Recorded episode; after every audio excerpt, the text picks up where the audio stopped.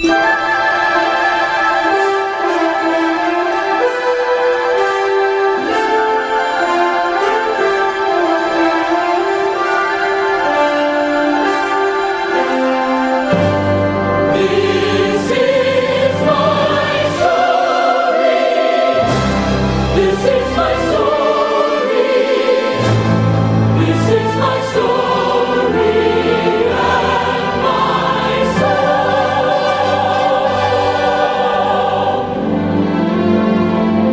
Salam sejahtera pendengar Big On Air. Selamat bertemu kembali dalam siaran pengajaran iman Kristen Big On Air.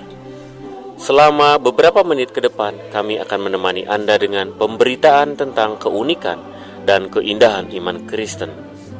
Dalam seri para tokoh Alkitab kali ini Narasumber kita Bapak Sundoro Tanuwijaya akan memperkenalkan, memaparkan pengalaman dan pergumulan termasuk dinamika iman para tokoh yang dicatat dalam kitab suci. Pengajaran iman Kristen on Air membangkitkan pengharapan hidup dalam ajaran firman Allah. Dari ruang siar, kami yang bertugas mengucapkan selamat mendengarkan. Semoga menjadi berkat.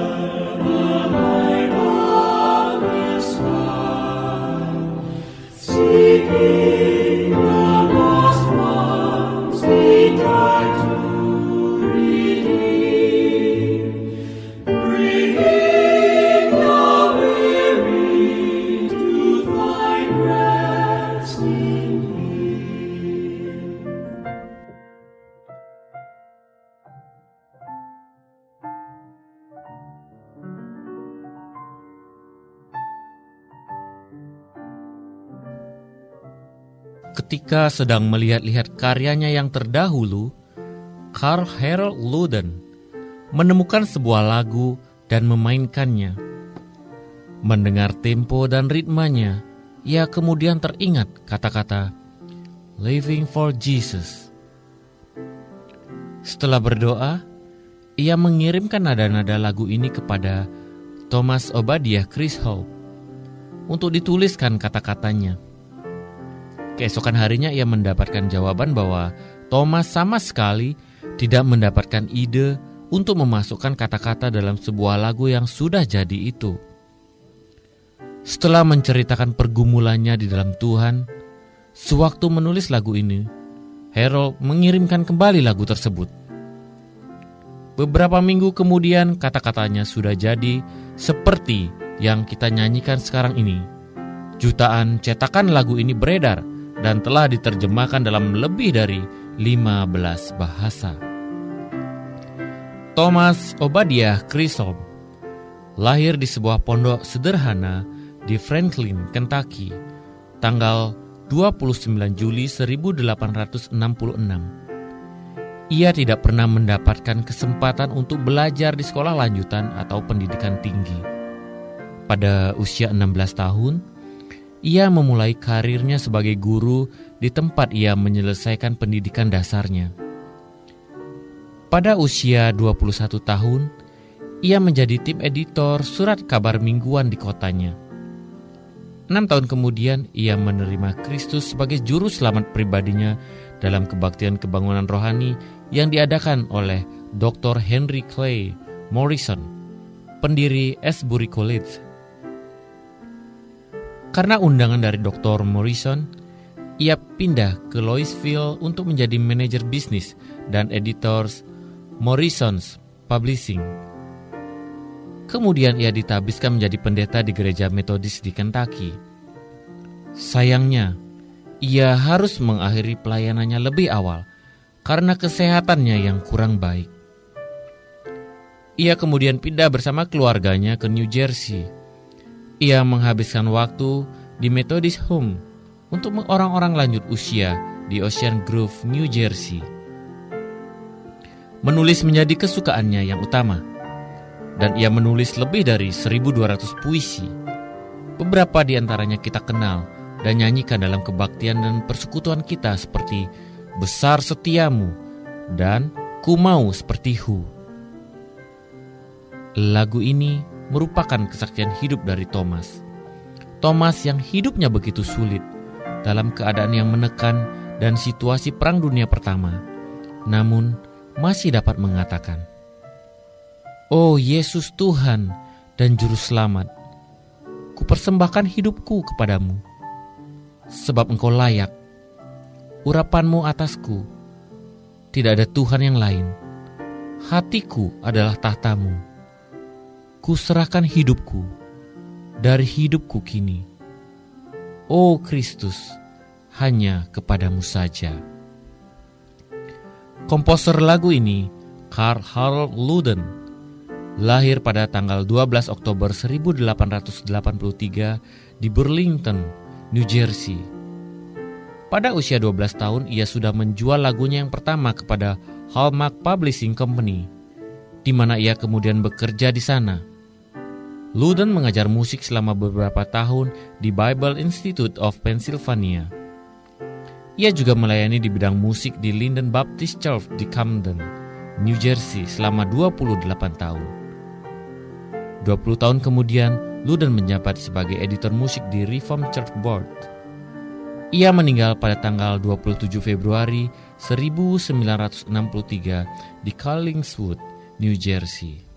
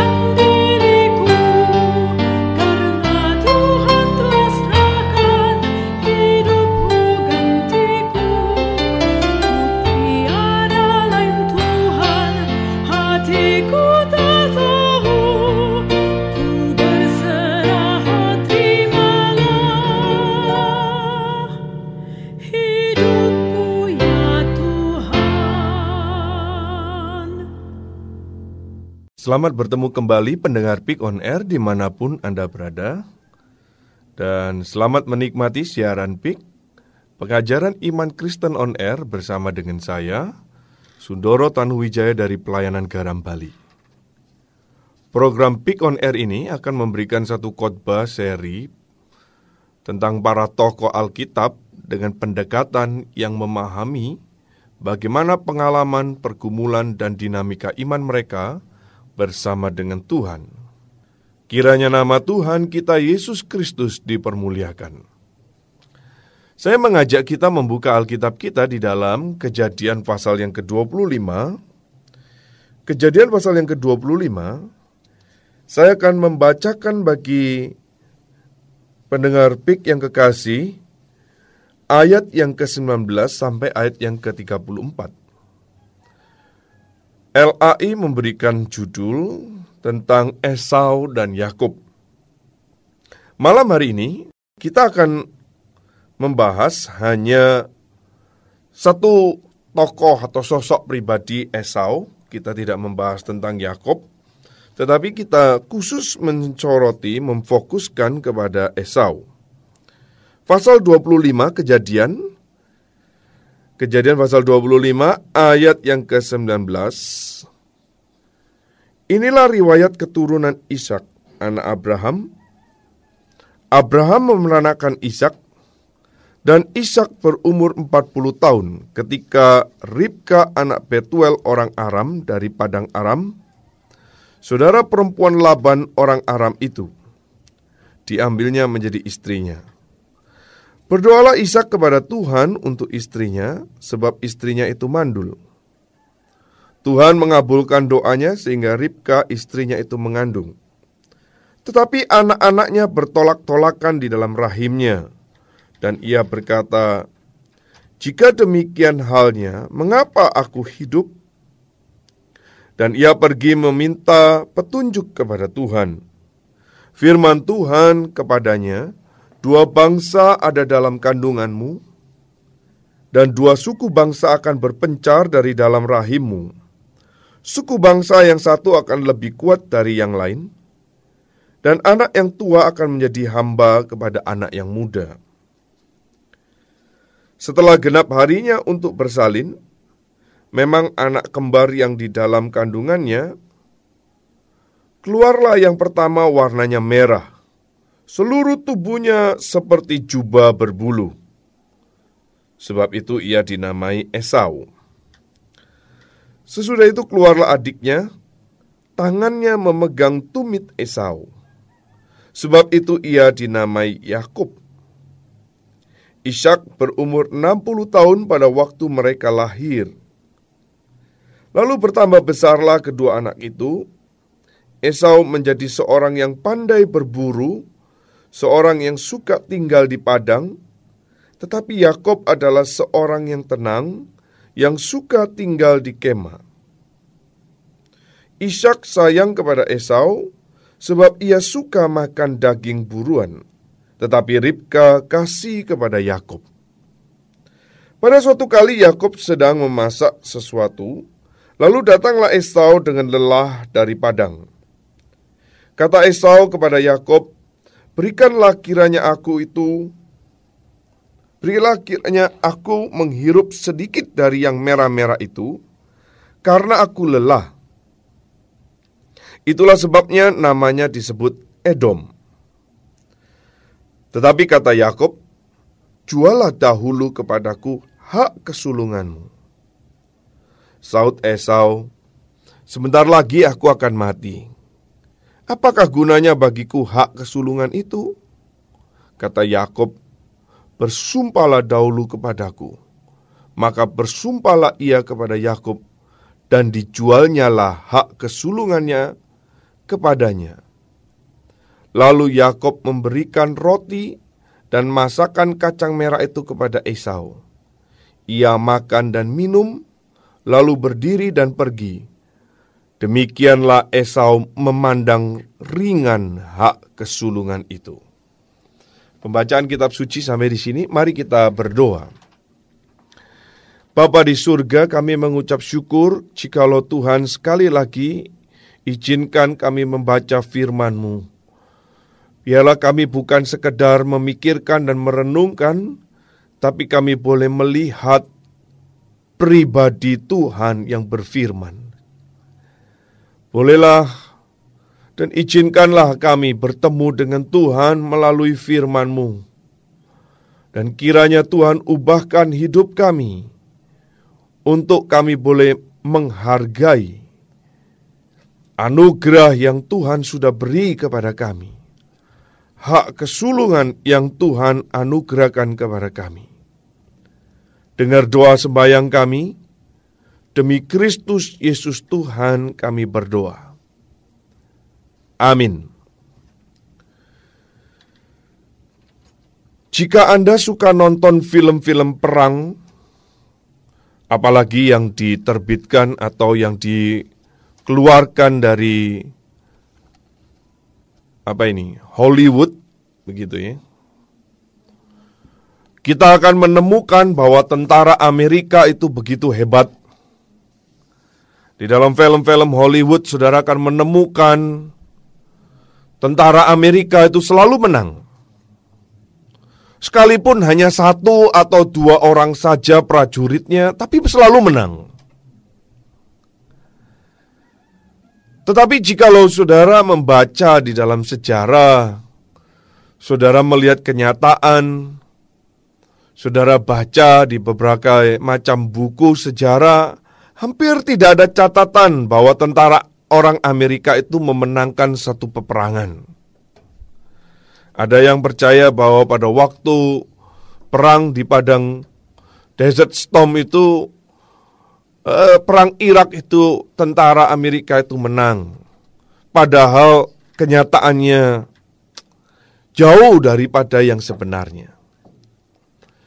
Nah, saudara-saudara, perikop kita pada saat ini adalah tentang seorang pemburu ahli memanah yang suka tinggal di padang, lincah dengan kehidupan di luar sana, badannya berbulu dan merah, maka dia diberi nama Esau. Karena dia badannya merah dan dia suka merah-merah, maka dia juga disebut sebagai Edom. Esau atau Edom. Ya, dia juga seorang bapak bangsa yang besar, yaitu suku Edom. Dan keturunannya pernah memerintah orang Yahudi, yaitu Herodes Agung. Herodes Agung pada zaman Tuhan Yesus, dia memang ditunjuk oleh orang Romawi untuk memerintah di Yerusalem. Dan dan ini untuk pertama kalinya orang Yahudi dipimpin oleh orang yang bukan Yahudi. Yang dipimpin oleh seorang dari suku Edom, keturunan daripada Esau. Dan saudara Herodes Agung, orang dia orang Edom, dia bukan orang Romawi, dia juga bukan orang Yahudi, tetapi dia orang Edom. Tetapi dia sangat pintar, dia sangat lincah bermain secara politik. Dia menginjakkan dua kakinya. Dia juga pro Romawi, tetapi dia juga seolah-olah mendukung orang Yahudi. Dia dia bisa mengambil hati orang Yahudi dengan membangun bait Allah yang besar. Itu sebab saudara-saudara kalau membaca di dalam Alkitab nanti saudara menemukan bait Allah yang dibangun oleh Herodes itu berbeda dengan konsep bait Allah yang dinyatakan kepada Musa dan berbeda yang dibangun oleh Raja Salomo. Maka nanti saudara akan menemukan ketika Tuhan Yesus masuk di dalam bait Allah, Tuhan menemukan itu ada money changer, money penukar uang, ada jual-jualan binatang dan lain sebagainya. Dan Tuhan marah dan ditunggang balikkan itu. Nah di dalam bait Allah yang dibangun oleh Herodes orang Edom ini, Wah itu megah sekali sehingga orang Israel, orang Yahudi hatinya terkesima. Terpikat oleh rayuan daripada si Herodes. Karena dia bangun begitu megah, begitu besar. Tetapi sesungguh-sungguhnya Allah tidak hadir di dalam bait Allah itu. Allah tidak hadir di dalam baitnya. Karena tidak sesuai dengan konsep Tuhan. Saudara-saudara ini pelajaran ya. Jangan pikir orang kalau membangun gereja, jangan pikir orang mendukung di dalam pekerjaan Tuhan itu selalu wah, di situ ada perkenanan Allah. Tidak tentu. Kita sudah belajar sama-sama. Saudara-saudara kadang-kadang didukung oleh Tuhan belum tentu mendapat perkenanannya oleh Allah. Dan ini adalah tipu daya daripada si Herodes Agung itu. Nah, saudara-saudara, kiranya kita sebagai umat Tuhan jangan mudah tertipu dengan cuma dibangunkan oleh satu bangunan yang secara fenomena kita lihat, secara fisik kita lihat, tetapi sebetulnya ada motivasi yang menjebak di dalamnya. Nah ini kita perlu hati-hati. Nah kembali ke topik kita, saudara. Jadi um, suku Edom ini adalah suku yang besar, bangsa yang besar. Karena memang Alkitab mencatat bahwa bahwa uh, Ribka sedang mengandung dua bangsa yang besar. Dan dua bangsa ini akan berpencar. Artinya juga akhir akan selalu selalu baku hantam, baku pukul, baku Terus tiap mereka tidak bisa berdamai gitu ya. Namun sekalipun demikian, Esau adalah pribadi yang tidak pernah menang, saudara-saudara. Sekalipun dia lincah, sekalipun dia pandai memanah, dia cerdik, seorang pemburu itu punya akal yang cukup banyak. Seorang pemburu itu biasanya sangat dinamis, dan lincah karena menghadapi situasi di padang atau di hutan atau di alam begitu. Tetapi sesungguh-sungguhnya dia tidak pernah mengalami kemenangan. Esau boleh kata sebagai seorang pengembara hidup yang tidak pernah mengalami kemenangan. Nah, apa saja nanti kita akan lihat saudara-saudara Siapakah Esau sebetulnya? Esau adalah saudara kembarnya Yakob. Kita sudah membaca dia adalah anak dari Ishak dan Ribka yang dilahirkan di usia pada waktu Ishak sudah usianya senja 60 tahun. Dan dan kedua anak ini saling berebut sejak di dalam kandungan. Nah, untuk bahasan kita saat ini, saya akan menaruh fokus hanya kepada Esau. Sekalipun bersinggungan dengan Ishak, Rahel, dan Yakob, tetapi saya mau memfokuskan hanya kepada Esau. Kita sudah pernah membahas tentang Rahel, kita belum membahas tentang Ishak, kita juga belum membahas tentang Yakob. Tetapi kali ini saya mau mencoba melihat atau mengajak kita melihat apa yang Tuhan sedang kerjakan melalui pergumulan yang Esau alami. Nah, saudara-saudara, saudara perhatikan di dalam ayat kitab suci ini, yang pertama-tama di dalam ayat 23 ini, pasal 25 ayat 23, saudara akan menemukan firman Tuhan kepadanya, dua bangsa ada dalam kandunganmu, dan dua suku bangsa akan berpencar di dalam rahimmu. Suku bangsa yang satu akan lebih kuat dari yang lain, dan anak yang tua akan menjadi hamba kepada anak yang muda. Nah, saudara-saudara, kita melihat di sini ketetapan Allah di dalam kekekalanlah yang merupakan awal perjalanan dari kehidupan satu bangsa. Boleh dikata saya persempit ketetapan Allah yang ditetapkan di dalam kekekalan merupakan awal perjalanan kehidupan kita. Awal dari satu perjalanan satu bangsa. Saudara-saudara, pada waktu Rifka berkeluh kesah karena bayi, dua jabang bayi yang ada di dalam kandungannya ini selalu bertengkar di dalamnya. Sehingga dia rasa lebih baik mati saja. Mengapa aku harus hidup? Bukankah ini dia mendambakan seorang anak sebelumnya? Bukankah Ishak berdoa supaya dapat anak?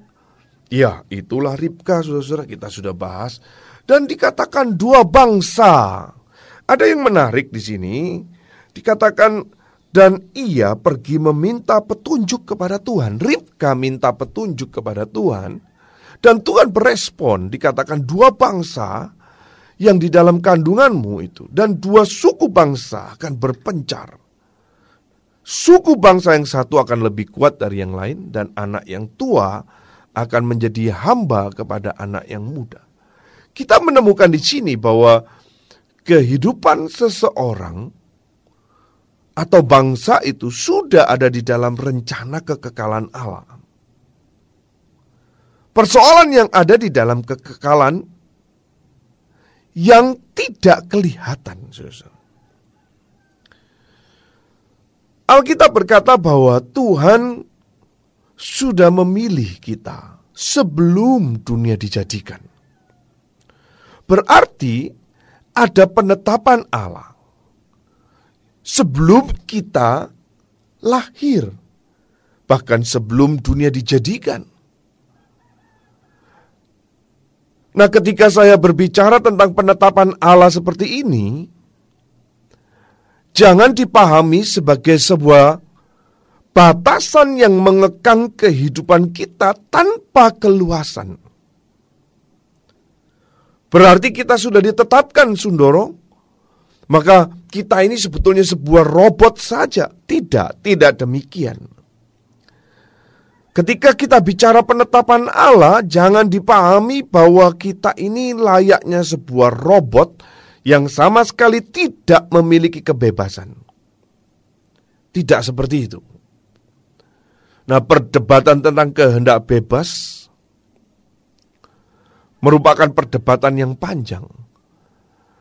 Mengapa menjadi panjang? Karena kita sudah tidak memiliki kehendak bebas yang sejatinya kehendak bebas yang sejatinya hanya pernah dialami oleh nenek moyang kita yang di dalam Alkitab dicatat adalah Adam dan Hawa. Sejak itu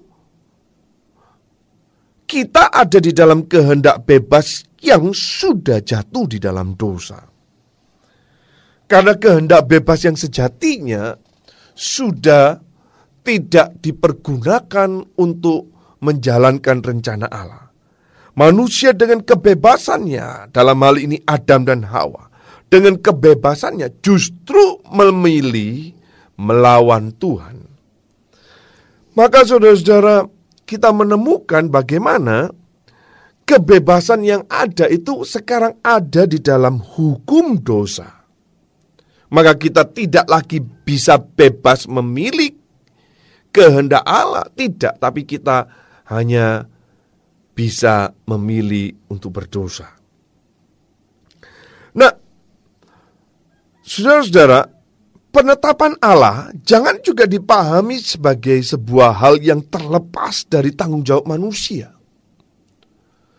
Ketika kita bicara penetapan Allah, kita tidak boleh lepas dari tanggung jawab manusia. Nah, nanti kita akan melihat bagaimana Esau juga harus mempertanggungjawabkan kehidupannya. Esau memandang ringan hak kesulungan itu. Dan nanti di dalam Alkitab dikatakan bahwa dia sudah kehilangan itu sekalipun dia meminta-minta lagi tidak bisa. Dia sudah kehilangan. Karena dia tidak bertanggung jawab di dalamnya. Nah, ketika kita bicara penetapan Allah, harus dan selalu ada tetap pertanggungjawaban manusia kepada Allah. Maka saudara-saudara ada banyak orang yang tidak setuju dengan pemikiran bahwa Allah sudah menetapkan kehidupannya. Tetapi pada saat dia beruntung, pada saat dia mendapatkan manfaat, ketika dia mendapatkan keuntungan, baru dia kesaksiannya. Wah itu seperti sudah dipersiapkan Wah itu sepertinya sudah diatur oleh Tuhan bagi saya. Tetapi giliran kita mengalami satu kesulitan, saat kita mengalami penderitaan, saat kita mengalami tekanan himpitan, mampukah kita melihat itu di dalam ketetapannya Allah? Waduh, lalu saudara mempertanyakan kepada saya, waduh Sundoro, berarti Tuhan menetapkan kita ada di dalam kesulitan? Saya mengatakan, dia berdaulat untuk itu, dia berdaulat atas itu, dan itu ada di dalam ketetapannya. Justru saya merasa aman untuk itu. Justru bukan membuat saya gentar, karena saya tahu siapa yang menetapkan itu. Bayangin saudara-saudara, jikalau dunia ini tidak ada penetapan alam akan berjalan secara liar, berjalan secara sembarangan saja. Waduh, betapa mengerikan! Tidak ada satu sosok pribadi di balik itu, tidak ada satu tujuan tertentu. Tetapi jikalau saudara mengerti tentang penetapan Allah, dan saudara mengerti siapa Allah yang saudara sembah itu, justru membuat hati saudara tenang dan nyaman. Mengapa? Karena Allah adalah dirinya Allah. Dan Allah menetapkan segala sesuatu demi dan atas nama dirinya sendiri. Dan untuk tujuannya kemuliaannya Allah sendiri. Maka dia tidak pernah memberikan atau membawa kita kepada satu bencana. Dia tidak mengendaki kematian orang fasik. Tetapi di dalam kenyataan kita melihat ada kesulitan-kesulitan dan kita melihat itu di dalam penetapan Allah.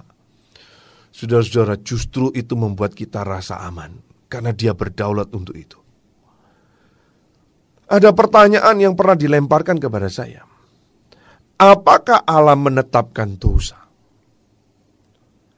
Saya menjawab, ya, Allah menetapkan dosa di dalam ketetapan Allah, dosa itu diizinkan oleh Allah. Ada. Secara detail mengapa, motivasi Allah apa, itu tidak dinyatakan oleh Allah sendiri di dalam kitab suci ini. Tetapi saya percaya Allah menetapkan itu. Jikalau Allah tidak menetapkan itu, dari mana dosa itu bisa muncul? Nah ini satu hal yang sulit satu hal yang sifatnya teologis, satu hal yang perlu pendalaman dan pemikiran. Tetapi saya percaya di dalam Allah Tritunggal yang sudah menetapkan itu, justru di situlah saya mendapatkan kenyamanan dan keamanan. Sekalipun saya tidak mengerti secara tuntas, saya percaya kepada pribadi Allah yang demikian karena dia sendiri yang akan memelihara pula. Nah inilah saudara-saudara poin yang pertama. Dua bangsa ada di dalam kandungan Ribka. Satu suku akan berlawanan dengan suku yang lain. Yang muda akan menjadi tuan kepada yang tua. Yang satu akan lebih kuat daripada yang lainnya. Pelajaran yang kedua yang dapat kita bisa ambil adalah tentang dari Esau ini. Saudara perhatikan di dalam ayat 32 Esau berkata mengatakan Esau saking laparnya setelah dia melakukan perburuan dia lapar, dia capek lalu ketika melihat Yakub sedang memasak dia meminta makanan itu. Kasih saya makan itu. Tetapi Yakub Yakub tidak menipu di dalam hal ini. Yakub memberikan tawaran yang tricky. Dia mengatakan, "Berikanlah hak kesulunganmu itu kepadaku." Nah, di sini saudara-saudara kita menemukan ayat yang ke-32, Saud Esau, "Sebentar lagi aku akan mati. Apa gunanya hak kesulungan itu bagiku?" Dan Yakob mengatakan, "Ya, kalau gitu kamu bersumpah." Dan betul saudara-saudara, Esau bersumpah memberikan mentukar hak kesulungannya dengan semangkok kacang merah itu. Dan ayat 34 saudara perhatikan baik-baik firman Tuhan mencatat demikianlah Esau memandang ringan hak kesulungan itu. Nah ini pelajaran yang berikutnya adalah Esau mengalami kesalahan konsep nilai. Kesalahan menilai diri. Yang sebetulnya ini mengulangi nenek moyangnya. Mengulangi apa yang terjadi di dalam kejadian pasal 3. Pasal 3, kejadian pasal 3 ayat yang ke-6. Hawa juga salah menilai Hawa melihat buah itu sedap. Sedap kelihatannya.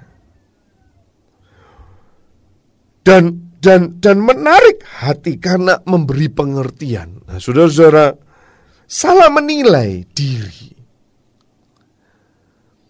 Esau salah menilai hak kesulungan itu. Nah saudara-saudara perhatikan di dalam kejadian pasal 3 6 saya kaitkan di sini.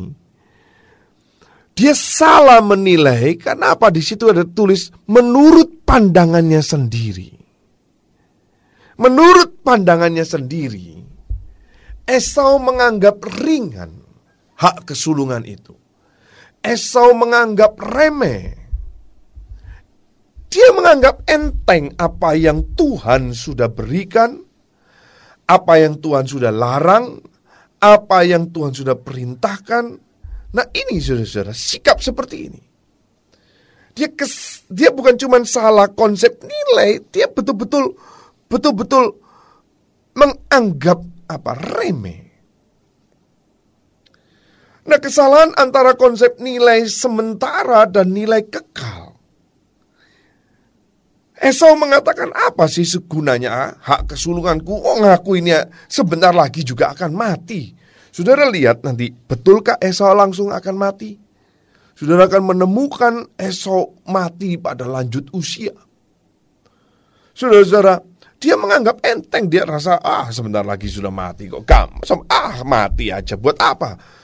Saudara-saudara, dia tidak dia, dia, dia keliru melihat nilai yang sementara dan nilai yang kekal dia justru menganggap ringan nilai yang kekal itu. Menganggap enteng nilai yang sementara yang membawa pada kekekalan. Nah, saudara-saudara, coba lihat saudara-saudara. Orang mengatakan sebentar lagi aku akan mati. Apa gunanya itu? Ini gambaran dari orang yang tidak mempercayai adanya konsep nilai kekekalan. Dia pikir setelah mati ya sudah selesai kok. Dia pikir eh, sudahlah ini tidak ada guna mati kok selesai selesai urusan selesai. Dia tidak melihat ada kekekalan di balik kematian. Dia menganggap bahwa setelah mati urusan selesai. Urusannya habis, tidak ada gunanya. Oh, tidak demikian, saudara. Nah, hati-hati saudara menilai hidup saudara dan saya saat ini. Kehidupan kita bukan sekedar yang sementara ini. Alkitab berkata bahwa ada hidup yang kekal. Alkitab juga mengatakan ada kematian yang kekal. Masih ada dunia kekekalan di balik dunia yang sementara ini. Nah, secara antropologis, saudara akan menemukan di dalam konsep-konsep agama mana pun, mereka mempercayai seluruh manusia secara otomatis mempercayai bahwa ada dua dunia di balik hidup yang sekarang ini, yaitu hidup kekal. Dan Alkitab mengatakan ada juga mati yang kekal. Nah, saudara-saudara, Alkitab tidak mengajarkan kepada kita bahwa ada kehidupan yang kedua, artinya hidup kembali kepada bumi ini, di bumi ini, dalam bentuk wujud-wujud yang lain. Tidak, Alkitab tidak pernah mengajarkan hal itu. Tetapi Alkitab mengatakan hidup kekal adalah kehidupan yang ada di dalam persekutuan dengan Allah untuk selama-lamanya sesuai dengan rencana Allah yang semula itu yaitu persekutuan dengan Allah bersatu dengan Allah bersekutu dengan Allah pencipta kita untuk selama-lamanya dan inilah rencana Allah ketetapan Allah yang semula inilah yang kita sebut surga inilah yang kita sebut hidup yang kekal itu tetapi Alkitab juga berkata ada mati kekal. Apakah mati kekal itu? Mati kekal adalah kehidupan yang tidak ada di dalam persekutuan dengan Allah untuk selama-lamanya. Nah, akibat pemberontakan manusia kepada Allah, manusia terpisah dengan Allah. Manusia mengalami murka Allah, kematian kekal, maut maka inilah yang kita kenal neraka. Terpisah dengan Allah. Saudara-saudara, jika hidup saudara terpisah dengan Allah itu bagaikan satu kengerian yang tersendiri di dalam kehidupan kita. Sebaliknya, jikalau saudara ada di dalam persekutuan dengan Allah, maka kehidupan saudara adalah satu kedamaian tersendiri Alkitab mengajarkan kepada kita bahwa barang siapa percaya kepada anak, kepada Kristus, kepada Yesus Kristus, ia beroleh hidup yang kekal. Tetapi barang siapa tidak taat kepada anak, ia tidak akan melihat hidup. Melainkan murka Allah tetap ada di atasnya. Nah ini, ini Saudara bisa temukan ini dalam Injil Yohanes pasal 3 ayat 36. Ini perkataan daripada Kristus sendiri. Barang siapa percaya kepada dia, barang siapa percaya kepada dirinya, barang siapa yang percaya kepada Kristus, orang itu beroleh hidup yang kekal. Tuhan Yesus berkata, sesungguhnya barang siapa mendengar perkataanku dan percaya kepada dia yang mengutus aku, ia mempunyai hidup yang kekal dan tidak turut dihukum. Sebab ia sudah pindah dari dalam maut ke dalam hidup. Nah saudara-saudara, siapa yang mendengar perkataan Kristus dan percaya? Dia juga percaya kepada Bapa yang mengutus dia. Dan ia mempunyai hidup yang kekal. Tidak turut dihukum. Nah inilah yang dikatakan oleh Alkitab. Yesus Kristus berkata, sebab inilah kehendak Bapakku, yaitu supaya setiap orang yang melihat anak dan percaya kepadanya beroleh hidup yang kekal. Dan supaya aku membangkitkannya pada akhir zaman. Saudara-saudara, inilah jaminan-jaminan yang diberikan. Barang siapa yang percaya. Inilah hidup yang kekal itu, yaitu bahwa mereka yang mengenal Engkau, mengenal Allah, satu-satunya Allah yang benar, dan mengenal Yesus Kristus yang telah Engkau utus. Nah, saudara-saudara, banyak orang salah di dalam konsep menilai, di dalam kehidupan sementara ini, banyak manusia yang tidak mau percaya kepada Kristus salah menilai siapa pribadi Kristus. Banyak orang yang salah menilai tentang Yesus Kristus. Dan banyak orang pada saat di dalam kehidupan yang sementara ini diajak, diundang untuk percaya kepada Kristus, dia tidak mau. Maka malam hari ini jikalau saudara mendengar pemberitaan firman ini, saudara mendengar perkataan-perkataan ini, percayalah kepada Kristus. Inilah saatnya. Inilah saatnya bagi saudara. Inilah waktu yang Tuhan anugerahkan kepada saudara. Boleh mendengar siapa Kristus itu. Dia adalah anak Allah yang maha tinggi itu. Dia adalah pribadi Allah sendiri yang menjadi manusia. Dan dikatakan siapa yang percaya kepada dia. Beroleh persekutuan kembali dengan Bapa.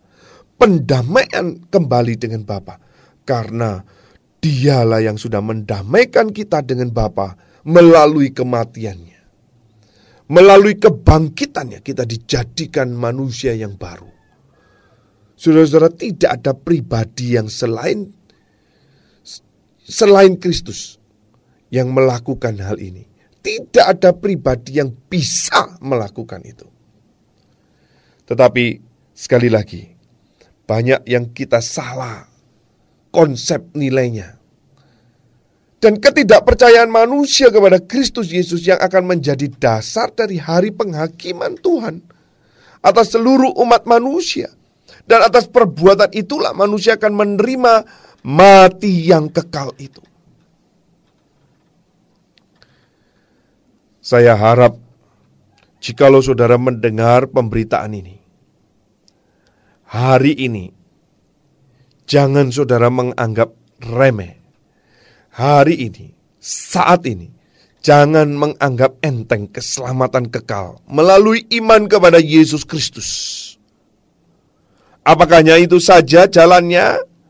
Alkitab mengajarkan bahwa tidak ada yang dapat datang kepada Bapa tanpa melalui Kristus Yesus. Karena Yesuslah jalan itu. Yesus Kristus adalah satu-satunya keselamatan yang Allah di dalamnya berkenan. Jangan engkau memandang ringan. Jangan engkau memandang enteng. Layaknya Esau, demikianlah Esau memandang ringan hak kesulungan itu.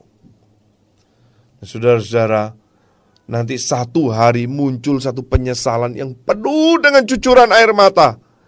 Tidak akan pernah bisa saudara mendapatkan kembali.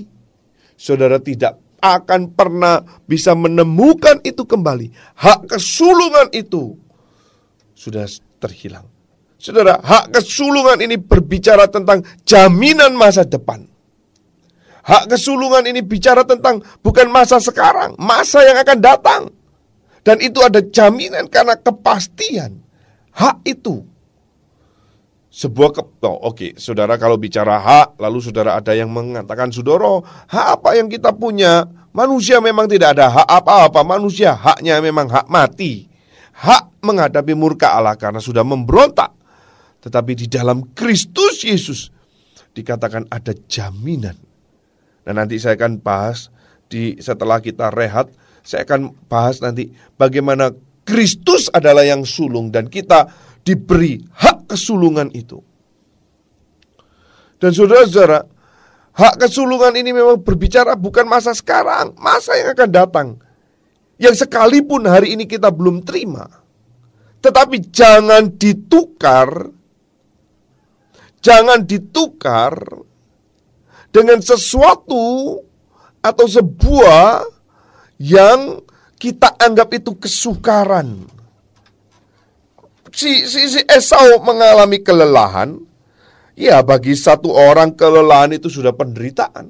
Kelelahan itu ada kesukaran, kelelahan itu ada adalah kesulitan, kesulitan adalah masalah. Dan dia harus keluar atasin masalah-masalah itu dengan cara apa? Dengan nafsunya yang rendah itu loh. Dengan semangkok kacang merah saja dia tukarkan jaminan kepastiannya di dalam Kristus. Saudara-saudara, ini nafsu yang rendah. Mari kita belajar untuk tidak salah konsep di dalam menilai. Nah, saudara-saudara, kita akan rehat sebentar. Kita akan mendengarkan satu pujian, dan saya akan lanjutkan setelah satu pujian berikut ini.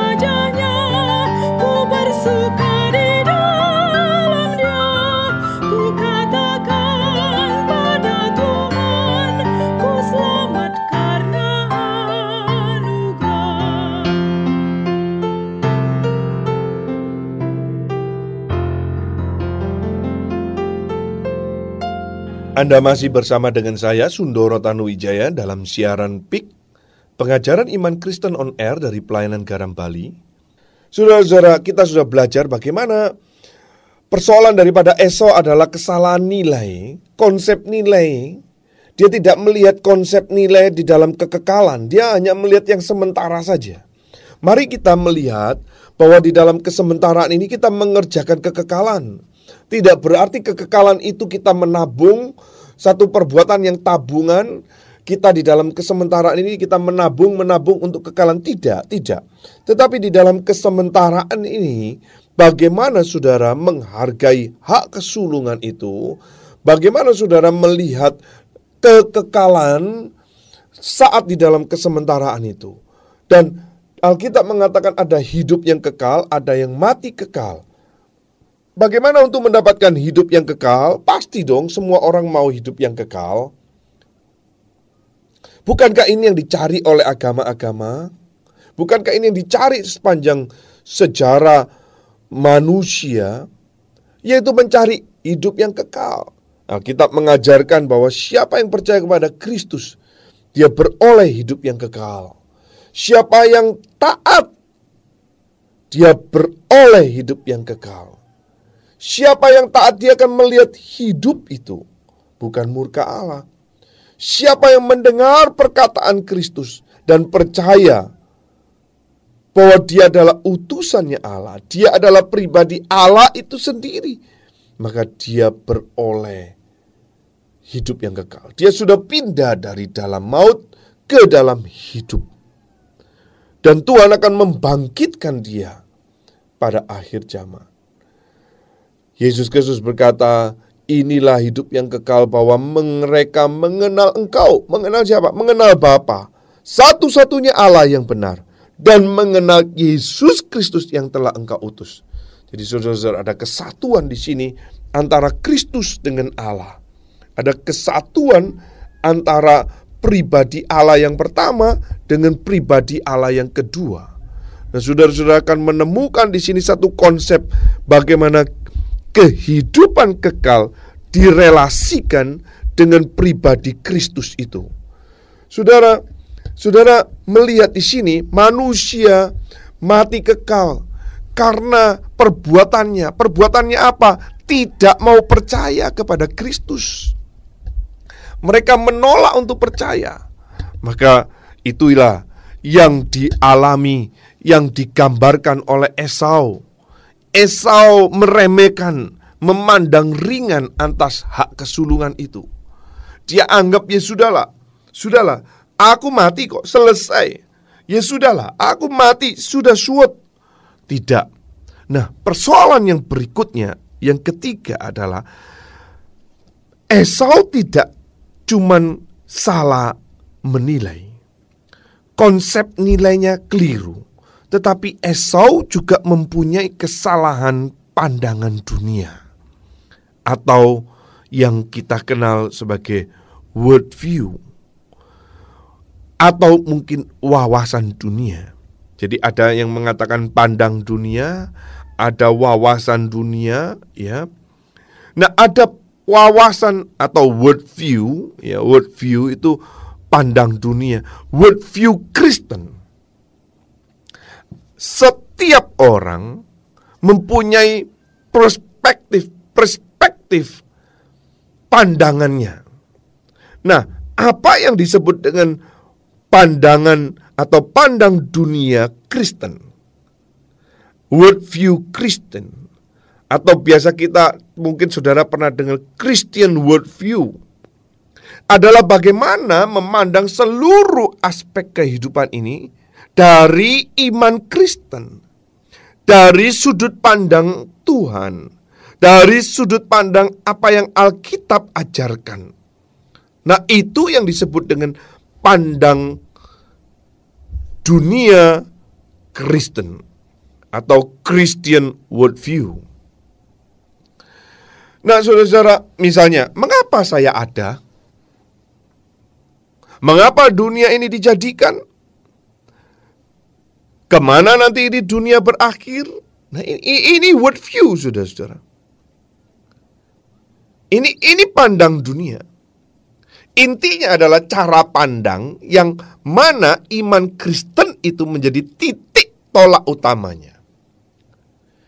Itulah pandang dunia Kristen. Jadi menjadi pusatnya adalah dari sudut pandang iman Kristen.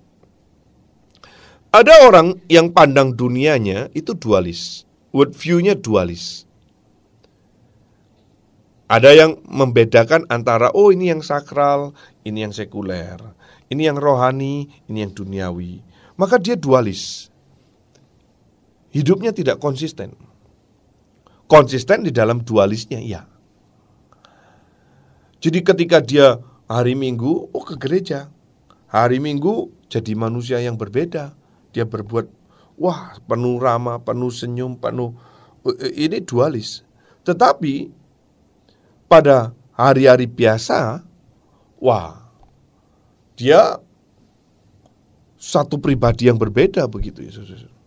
Tidak berarti dia bipolar, tidak. Tetapi dia mempunyai pandang dunianya yang berbeda. Dia merasa, oh ini dibedakan. Ini sekarang dunia yang sekuler ini. Ini tidak ada kaitannya dengan agama. Tidak ada relevansinya. Maka dia lepas dari dunia agama. Tetapi ketika dia di, di, di, di gereja, dia dia rasa lepas itu dunia duniawinya. Dia ada di gereja sekarang. Nah, berapa banyak orang mempunyai sudut pandang seperti ini? Cukup banyak, saudara. Cukup banyak. Saudara bisa perhatikan di gereja. Ada banyak orang ya di gereja dia begitu begitu begitu uh, berbeda dengan dalam kehidupan sehari-harinya. Ketika di dalam kehidupan sehari-harinya dia gunakan otaknya, dia gunakan kalkulatornya, dia gunakan logiknya, dia gunakan segala usahanya. Tetapi ketika dia di gereja, dia tidak peduli dengan apa itu konsep kebenaran atau tidak. Dia bahkan tidak menggunakan otaknya dia. Dia bisa saja dia tidur, bisa saja dia asal percaya, bi bisa saja dalam bentuk-bentuk dia ya, ya yang penting saya hadir ya. Bisa bentuk yang penting saya setor muka saja begitu. Nah, ini ini yang terjadi Saudara. Ini yang terjadi. Ini orang dualis.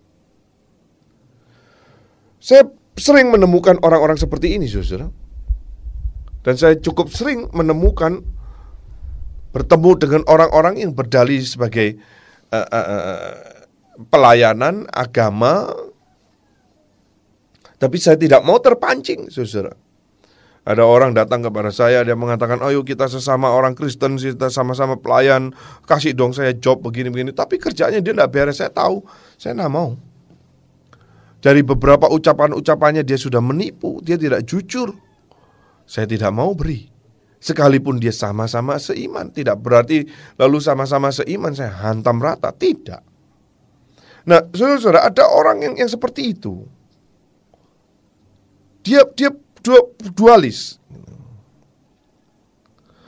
Kita menemukan di sini jelas bahwa Esau mewakili pribadi yang yang yang tidak memiliki worldview berdasarkan apa yang berkenan kepada kehendak Allah. Esau sudah terbiasa di hutan. Esau sudah terbiasa di luar. Esau sudah terbiasa di padang. Dia memang lincah, dia memang luas, dalam pergaulan, tetapi dia sudah dipengaruhi oleh worldview-worldview yang ada. Sehingga ini mempengaruhi hidupnya. Sehingga dia tidak lagi melihat dari perspektif iman. Dia tidak melihat apakah ini berkenan kepada Allah atau tidak. Tapi berdasarkan apa yang di dunia ini yaitu kepentingan diri yang diutamakan. Diri yang menjadi titik tolak utamanya. Nah ini saudara-saudara, ini worldview. Dia karena lapar saja dia dia mau tahan laparnya tapi dia sudah berani demi kelaparannya dia tukar hak kesulungannya. Perhatikan itu ayat 34 itu ditekankan dan di bagian akhir saudara. Demikianlah Esau memandang ringan hak kesulungan itu. Tuhan izinkan Esau memang lahir lebih dahulu daripada adiknya. Tetapi dia tidak memandang hal itu begitu memiliki signifikan apa-apa dalam kehidupannya. Bahkan Alkitab dengan jelas mengatakan memandang ringan hak kesulungan itu. Hanya karena apa? Karena kepentingan dirinya saja. Kepentingan diri sesaat rela ganti dengan apa yang Tuhan sudah anugerahkan. Nah, mendengar Pick on Air di mana pun Anda berada, hari ini banyak orang Kristen yang salah memiliki worldview akan posisinya sebagai umat pilihan, sebagai tubuh Kristus, sebagai umat ketebusannya, sebagai imamat yang rajani. Sehingga dengan gampangnya menukar imannya dengan tanda kutip semangkuk kacang merah. Artinya apa? Dan menukarkan imannya demi-demi kepentingan sesaat, demi kepentingan kekuasaan, demi kepentingan uh, uh, makanan dan minuman, demi demi hanya kepentingan diri saja. Alkitab mengajarkan dan memperingatkan kepada kita bahwa janganlah ada orang yang menjadi cabul atau mempunyai nafsu yang rendah seperti Esau yang menjual hak kesulungannya untuk sepiring makanan. Ibrani pasal 12 mencatat demikian. Saudara-saudara di sini ada muncul kata cabul, nafsu yang rendah. Janganlah ada orang yang menjadi cabul atau yang mempunyai nafsu yang rendah seperti Esau. Menjual hak kesulungannya untuk sepiring makanan. Saudara-saudara kita menemukan di sini kata cabul. Cabul itu itu artinya porno. Cabul ini ini ini artinya hal-hal yang tidak suci. Ini ini hal-hal yang yang yang yang uh, uh, porno begitu. Nafsu yang rendah itu juga memiliki arti tidak suci, fasik, tidak beragama. Nah saudara-saudara, rupanya kehidupan worldview-nya daripada Esau itu seperti ini saudara. Cabul. Alkitab mengatakan karena itu matikanlah dalam dirimu segala sesuatu yang duniawi. Apa yang duniawi itu? Yaitu percabulan, kenajisan, hawa nafsu, nafsu jahat, dan juga yang keserakaan yang sama dengan penyembahan berhala. Semuanya itu mendatangkan murka Allah atas orang-orang durhaka.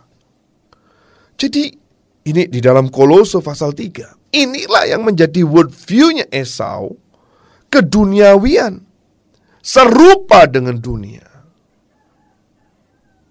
berpusat kepada kesenangan dan kepuasan diri sendiri. Dan dan i, i, i, ini seperti penyembahan berhala. Fasik cabul, nafsu yang rendah ini ini, ini mendatangkan murka Allah, Saudara-saudara.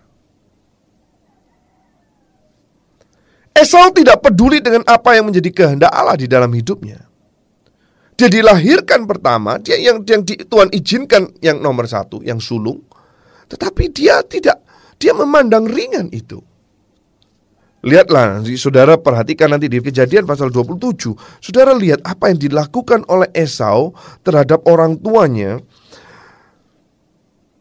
Ayat yang ke-46, lalu kemudian Ribka berkata kepada Ishak, Aku telah jemu hidup karena perempuan-perempuan Het itu.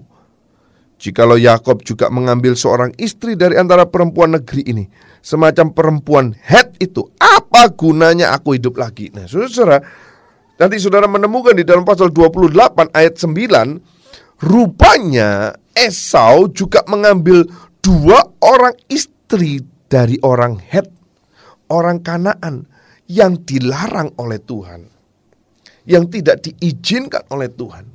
Tetapi saudara-saudara, lihat ini, karena dia hidup dengan kecabulan, dia tidak suci, dia tidak kudus. Bukankah Allah itu kudus dan kita harus mengkuduskan diri? Karena dia kudus maka kita harus kudus. Esau tidak di dalam kekudusan Allah, bahkan dia melanggar larangan Tuhan.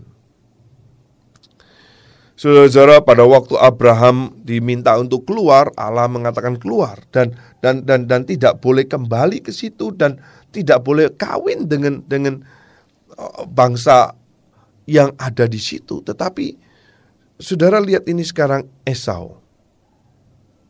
Dia menikahi dua orang istri dari orang Het. Ishak pada waktu mau menikah, Abraham minta untuk Eleazar hambanya mencarikan dari sanak keluarganya. Maka Ribka juga mengatakan jangan sampai Yakob ini menikah dengan orang Het itu. Aku sudah cukup ini menyebalkan dengan orang dua orang uh, perempuan-perempuan ini. Nah, di dalam pasal 28 dicatat ada dua memang. Tetapi pasal 28 Saudara perhatikan, pasal 28 ayat 8 dan 9 itu ayat 8 dan 9 dikatakan maka Esau pun menyadari bahwa perempuan Kanaan itu tidak disukai oleh Ishak ayahnya. Sebab itu ia pergi kepada Ismail dan mengambil Mahalat menjadi istrinya di samping kedua istrinya yang telah ada. Mahalat adalah anak Ismail, anak Abraham, adik Nebayot. Saudara-saudara, seolah-olah kali ini Esau, ya sudah saya tidak ambil orang uh, uh, orang orang orang lokal, orang orang bangsa yang dilarang Tuhan. Saya ambil saudara. Tapi dia mengambil dari Ismail. Yang anak daripada budak Abraham. Bukan dari perjanjian Tuhan. Nah saudara-saudara sekali lagi hal ini dengan sengaja dia lakukan sebagai responnya kepada kepada orang tuanya yang yang tidak memberi dia berkat yang dia sendiri sebetulnya memandang ringan hal itu. Akhirnya saudara-saudara Esau mengalami ketragisan, mengalami murka Allah. Saudara-saudara inilah kesalahan worldview. Pandangan dunia ini mempengaruhi kita itu kadang-kadang kita berbicara dengan sesuatu orang kita dengan tema yang sama, topik yang sama, cara penyampaian yang sama, tetapi bisa ditangkap dengan dua hal yang berbeda dari dua, dua orang yang lain. Kenapa? Karena masing-masing mempunyai worldview dan worldview kita tidak boleh berdasarkan daripada apa yang dunia ajarkan, tapi dari Alkitab ajarkan. Saudara-saudara, marilah kita belajar bagaimana melihat ketetapan Allah adalah bagian dari kedaulatannya atas seluruh ciptaannya dan dan demi tujuannya semata. Ini yang pertama. Yang kedua, mari kita belajar tentang konsep nilai yang benar. Yang sesuai dengan Alkitab. Sehingga kita tidak salah menilai diri, salah menilai orang, dan orang-orang yang lain, salah menilai realita, terlebih salah menilai Tuhan. Salah menilai Tuhan. Wah ini bahaya, ini gawat. Marilah kita belajar untuk memiliki sudut pandang world view Kristen yang mau setia, mau menggali, dan mau belajar Alkitab dengan lebih sungguh-sungguh dan bertanggung jawab. Nah ini kiranya Tuhan terus menolong pendengar pik di mana pun berada. Sebagai penutup, Roma 8 ayat 23. Roma pasal 8 ayat yang ke-23 mengajarkan kepada kita satu prinsip yang penting sekali yang saudara dan saya harus ingat baik-baik. Roma pasal 8 ayat 23 mengatakan demikian. Dan bukan hanya mereka saja, tetapi kita yang telah menerima karunia sulung roh. Kita juga mengeluh dalam hati kita sambil menantikan pengangkatan sebagai anak yaitu pembebasan tubuh kita kita menerima karunia roh. Karunia sulung roh. Saudara-saudara, gereja Tuhan diberikan karunia sulung roh. Setiap orang yang percaya, umat Tuhan, diberi karunia sulung roh. Dan kita mengalami penderitaan yang sama di dalam konteks pasal 8 ini. Ini bicara tentang pengharapan anak Allah, pengharapan tentang umat pilihan Allah. Sekalipun mengalami kesulitan, Saudara bukan cuma percaya kepada kedaulatan Allah dan pemeliharaan Allah, tetapi saudara harus melihat bahwa saudara diberikan karunia sulung roh itu. Jangan ditukar dengan Apa pun juga, kesulitan kah, aniaya kah, telanjang kah, pedang kah, harta kah. Jangan tukar iman saudara. Jangan tukar iman kita. Mari kita belajar setia. Tidak memiliki nafsu yang rendah itu. Saudara-saudara ini penting sekali. Ini bicara tentang saudara dan saya hari ini. Kita yang telah menerima karunia sulung roh itu. Saudara diberi hak kesulungan itu. Kolose pasal yang ke pertama, Kolose pasal yang pertama juga mengatakan satu hal yang penting sekali ayat 15. Kolose pasal yang pertama, Saudara baca di dalam ayat yang 15 pertama lebih awal. Ia adalah gambar Allah yang tidak kelihatan, yang sulung. Ini bicara tentang siapa? Kristus. Lebih utama dari segala yang diciptakan. Tidak berarti Kristus itu yang dicipta. Kristus itu dicipta, uh, ciptaan. Ini ayat yang sering kali disalah mengerti.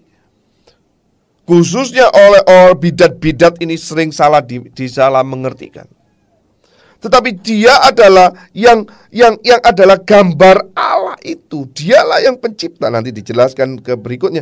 Karena di dalam dialah telah diciptakan segala sesuatu yang ada di surga dan yang ada di bumi, yang kelihatan dan yang tidak kelihatan, baik sana maupun kerajaan, baik pemerintah maupun penguasa. Segala sesuatu diciptakan oleh Dia dan untuk Dia. Ia ada terlebih dahulu dari segala sesuatu dan segala sesuatu ada di dalam dia. Perhatikan ayat yang ke-18 di sini katakan, ialah kepala tubuh yaitu jemaat. Ialah yang sulung, yang pertama bangkit dari antara orang mati, sehingga ia lebih utama dari segala sesuatu. Saudara-saudara, karena seluruh kepenuhan Allah berkenan diam di dalam dia. Dan oleh dialah ia memperdamaikan segala sesuatu dengan dirinya baik yang ada di bumi maupun yang ada di surga. Sesudah ia mengadakan pendamaian oleh darah salib Kristus.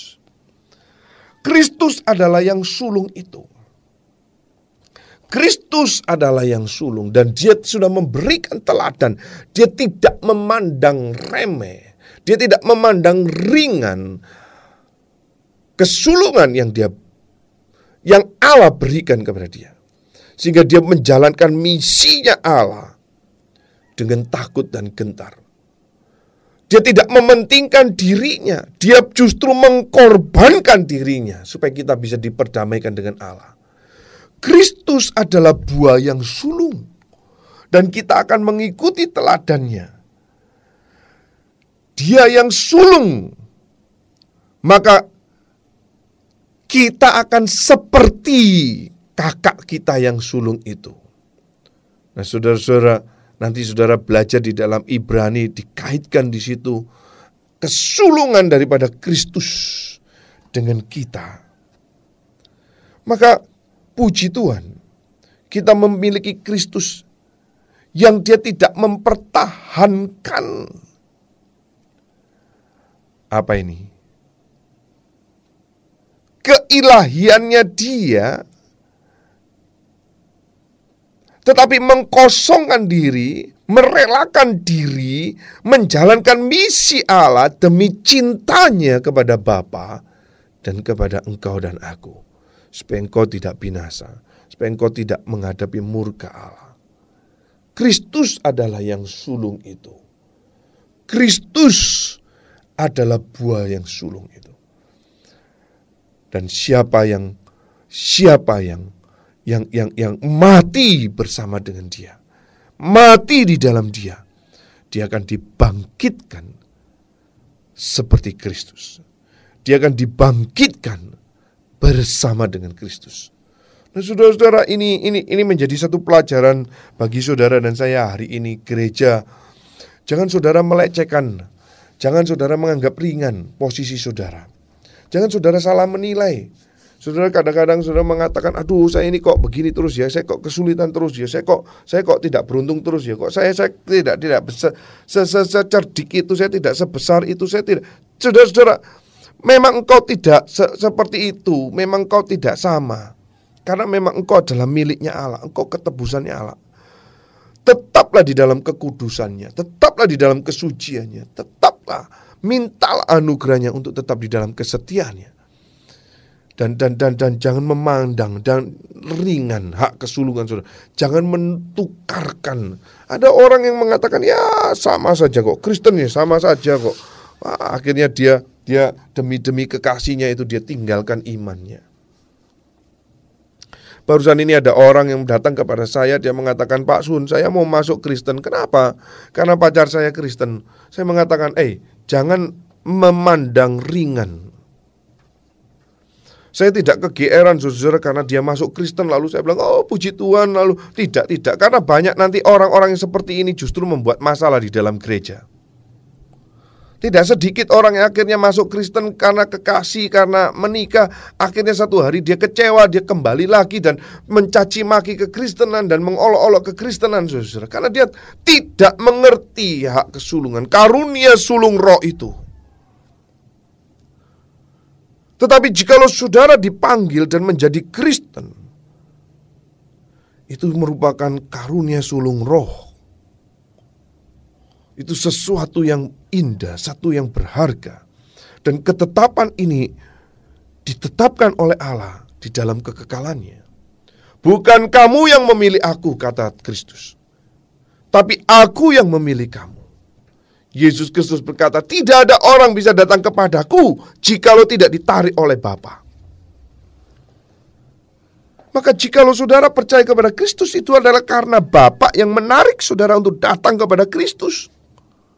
Yesus Kristus juga berkata di salah satu tempat yang lain, tidak ada orang bisa ke Bapa tanpa melalui aku. Jadi kita dan kita ini manusia yang berdosa tidak mungkin bisa bertemu dengan Bapa karena murka Allah sudah ada turun kepada kita, tetapi karena Kristus mendamaikan, menutupi, mengampuni dosa kita, sehingga kita memiliki keberanian berdiri di hadapan takhta hadirat Allah. Dan oleh karena rohnya yang kudus itu kita dilahirkan kembali. Saudara-saudara, mari kita belajar tidak memandang ringan hak kesulungan. Mari kita belajar untuk belajar menghormati hak kesulungan kita sebagai orang percaya. Esau sekalipun dia menangis, menangis, menangis, menangis. Saudara-saudara, tidak ada gunanya. Saudara-saudara, Yakobus pasal yang pertama Yakobus pasal yang pertama ayat 18 mengatakan begini. Atas kehendaknya sendiri ia telah menjadikan kita oleh firman kebenaran supaya kita pada tingkat yang tertentu menjadi anak sulung di antara semua ciptaannya. Saudara-saudara, saudara dipanggil jadi Kristen bukan tanpa tujuan. Saudara dipanggil menjadi Kristen bukan cuma sekedar selamat, dapat jaminan selamat, lalu ongkang-ongkangan, duduk-dudukan, tidak mengerjakan sesuatu. Tidak. Tetapi saudara dan saya dipanggil untuk menjadi umatnya, untuk menyatakan kemuliaannya, menjadi cermin, menjadi yang sulung, menjadi teladan, menjadi kesaksian bagi dunia ini. Nah kiranya Tuhan memberkati kita, Kiranya Tuhan menolong kita untuk kita makin dekat dengan diri pribadi Allah sendiri. Kiranya kita makin belajar membawa kita makin takut kepada Tuhan. Makin kita belajar membawa kita makin setia kepada Tuhan. Makin kita belajar mengerti firman, makin kita mengenal siapa Allah yang sebetulnya kita sembah. Dengan menghormati hidup yang sementara ini menjalankan sesuai dengan kehendaknya, menjaga kesucian, kekudusan hidup, dan melakukan apa yang Tuhan kehendaki. Alkitab berkata bukan orang yang berseru Tuhan, Tuhan yang masuk dalam kerajaan surga. Tapi mereka yang melakukan kehendak Bapa di surga.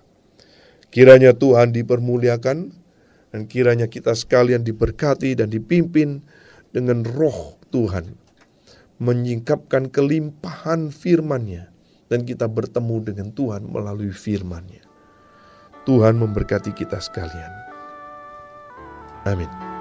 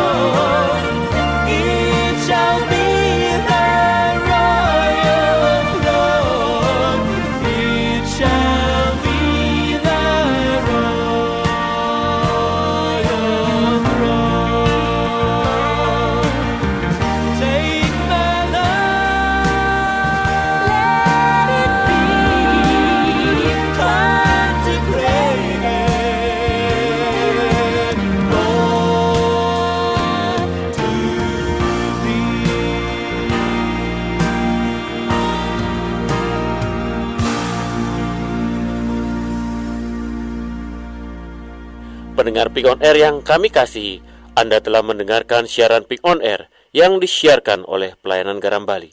Jika Anda ingin mengetahui tentang aktivitas Pelayanan Garam Bali atau Tuhan gerakkan Anda untuk berbagian dalam donasi dana agar dapat mendukung pelayanan siaran ini lebih luas, silakan menghubungi kami di nomor 085 238 400 900 085 238 400 900 untuk mendapatkan informasi lebih lanjut.